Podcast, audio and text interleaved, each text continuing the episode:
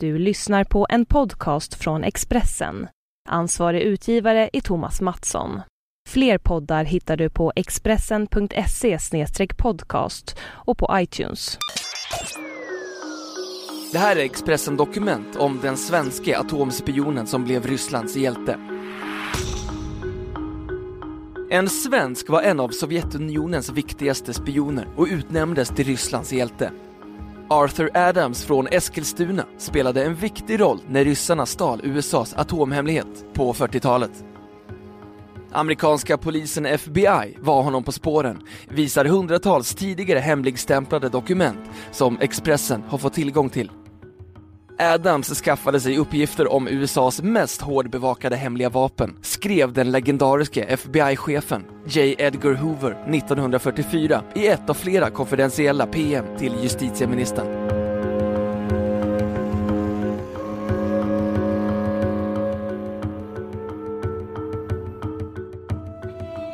Det är 1942 och brinnande världskrig som ännu är långt ifrån avgjort.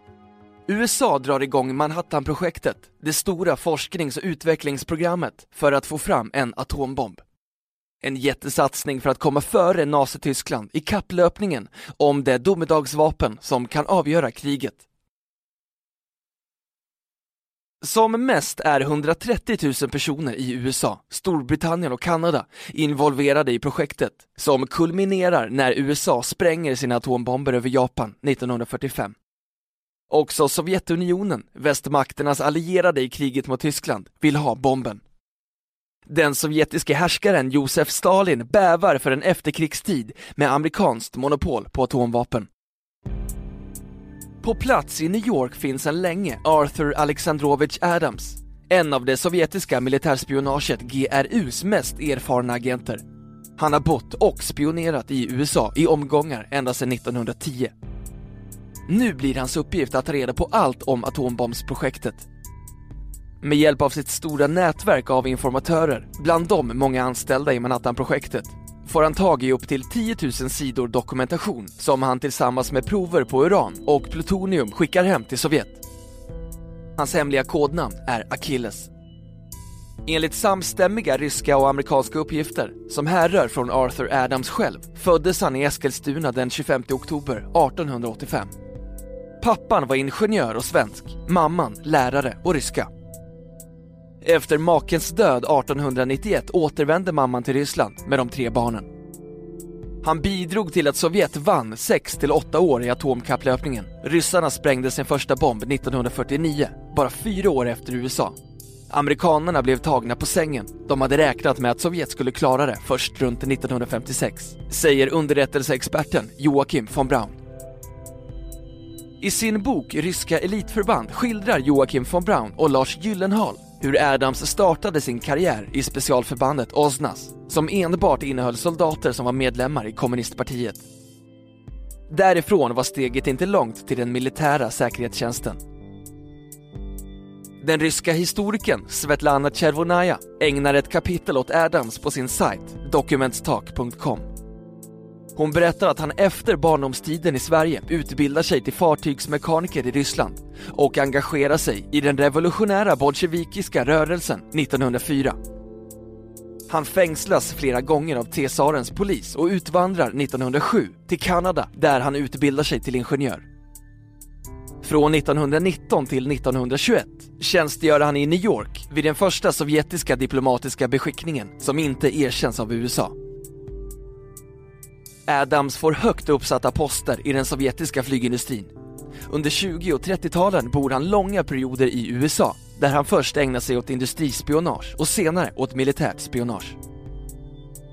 Som täckmantel arbetar han för företag i radio och elektronikbranschen som drivs av amerikanska affärsmän med kommunistiska sympatier. FBI får upp ögonen för Adams när han 1944 träffar atomforskaren Clarence Hiskey, partimedlem och knuten till Manhattanprojektet.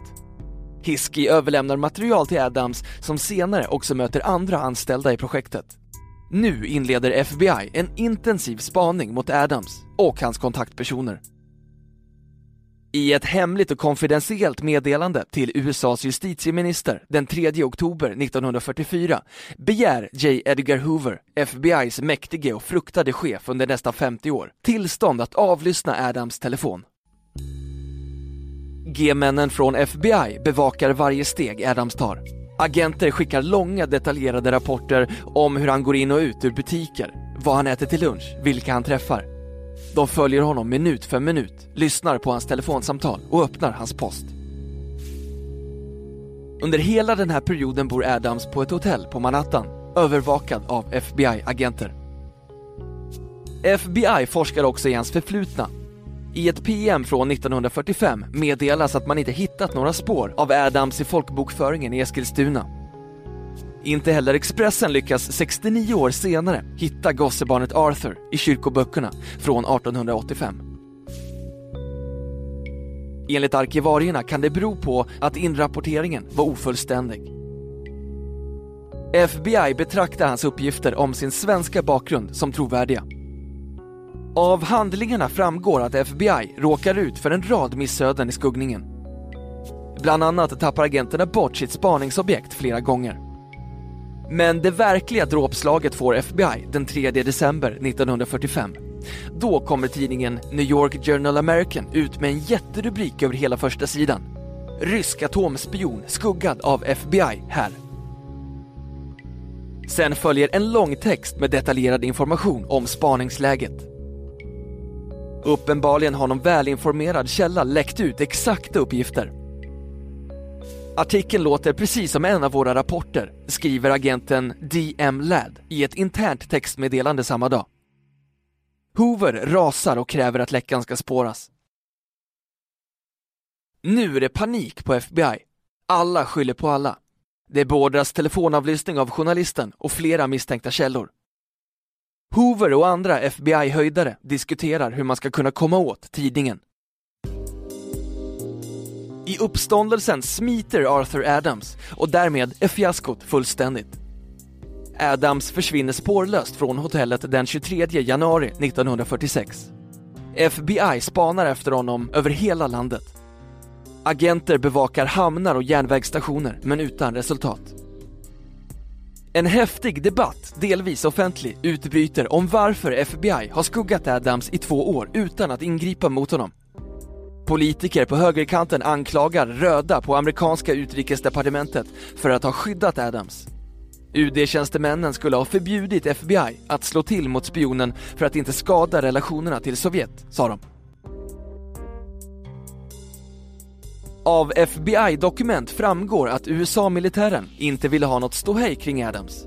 Detta för att inte dra uppmärksamhet till det hemliga Manhattan-projektet.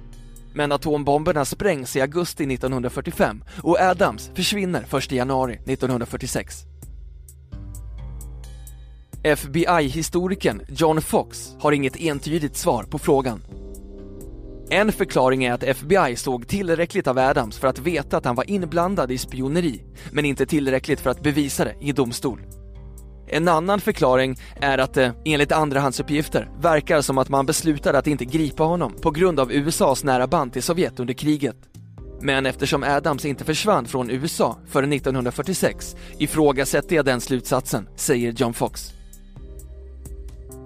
Enligt egen uppgift flyr Adams över taket från en av sina gömställen i New York när han ser att huset är omringat av FBI-bilar. Han sänder ett meddelande till en sjökapten på ett fartyg i hamnen som redan tidigare hjälpt honom att skicka material till Sovjet. Den här gången är lasten ja, skriver han och tar sig till båten som för honom till Italien. Adams berättar om den dramatiska flykten för Tim Buck, ledare för kommunistpartiet i Kanada, som besöker honom i Moskva 1956. Via en informatör hamnar uppgifterna hos FBI som misstänker att Adams färgstarka skildring är överdriven. Ännu 1957 förhör FBI sjökaptener och annan fartygspersonal som misstänks ha hjälpt Adams att fly. När Adams kommer hem 1946 utnämns han till överste i GRU. Två år senare lämnar han, eller rensas ut ifrån säkerhetstjänsten. Sen lever han ett lugnt liv som politisk kommentator på den officiella nyhetsbyrån TASS. Arthur Adams dör den 14 januari 1969 och begravs i Moskva. Den sovjetiske mästarspionen får aldrig något officiellt erkännande så länge Sovjet finns. Kanske för att man inte vill röja de källor i USA som ännu inte avslöjats. Men 30 år efter sin död utnämns han 1999 till Rysslands hjälte, vilket är landets högsta utmärkelse.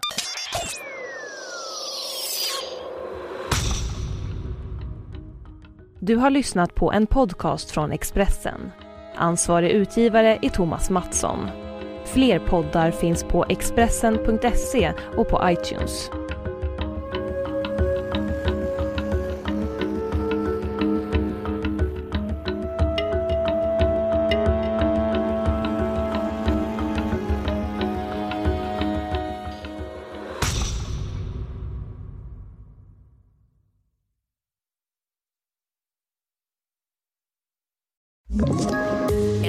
Poddtips från Podplay.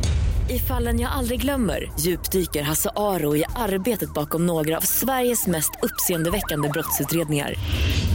Går vi in med hemlig telefonavlyssning och, och då upplever vi att vi får en total förändring av hans beteende. Vad är det som händer nu? Vem är det som läcker? Och så säger han att jag är kriminell, jag har varit kriminell i hela mitt liv men att mörda ett barn, där går min gräns. Nya säsongen av Fallen jag aldrig glömmer på Podplay.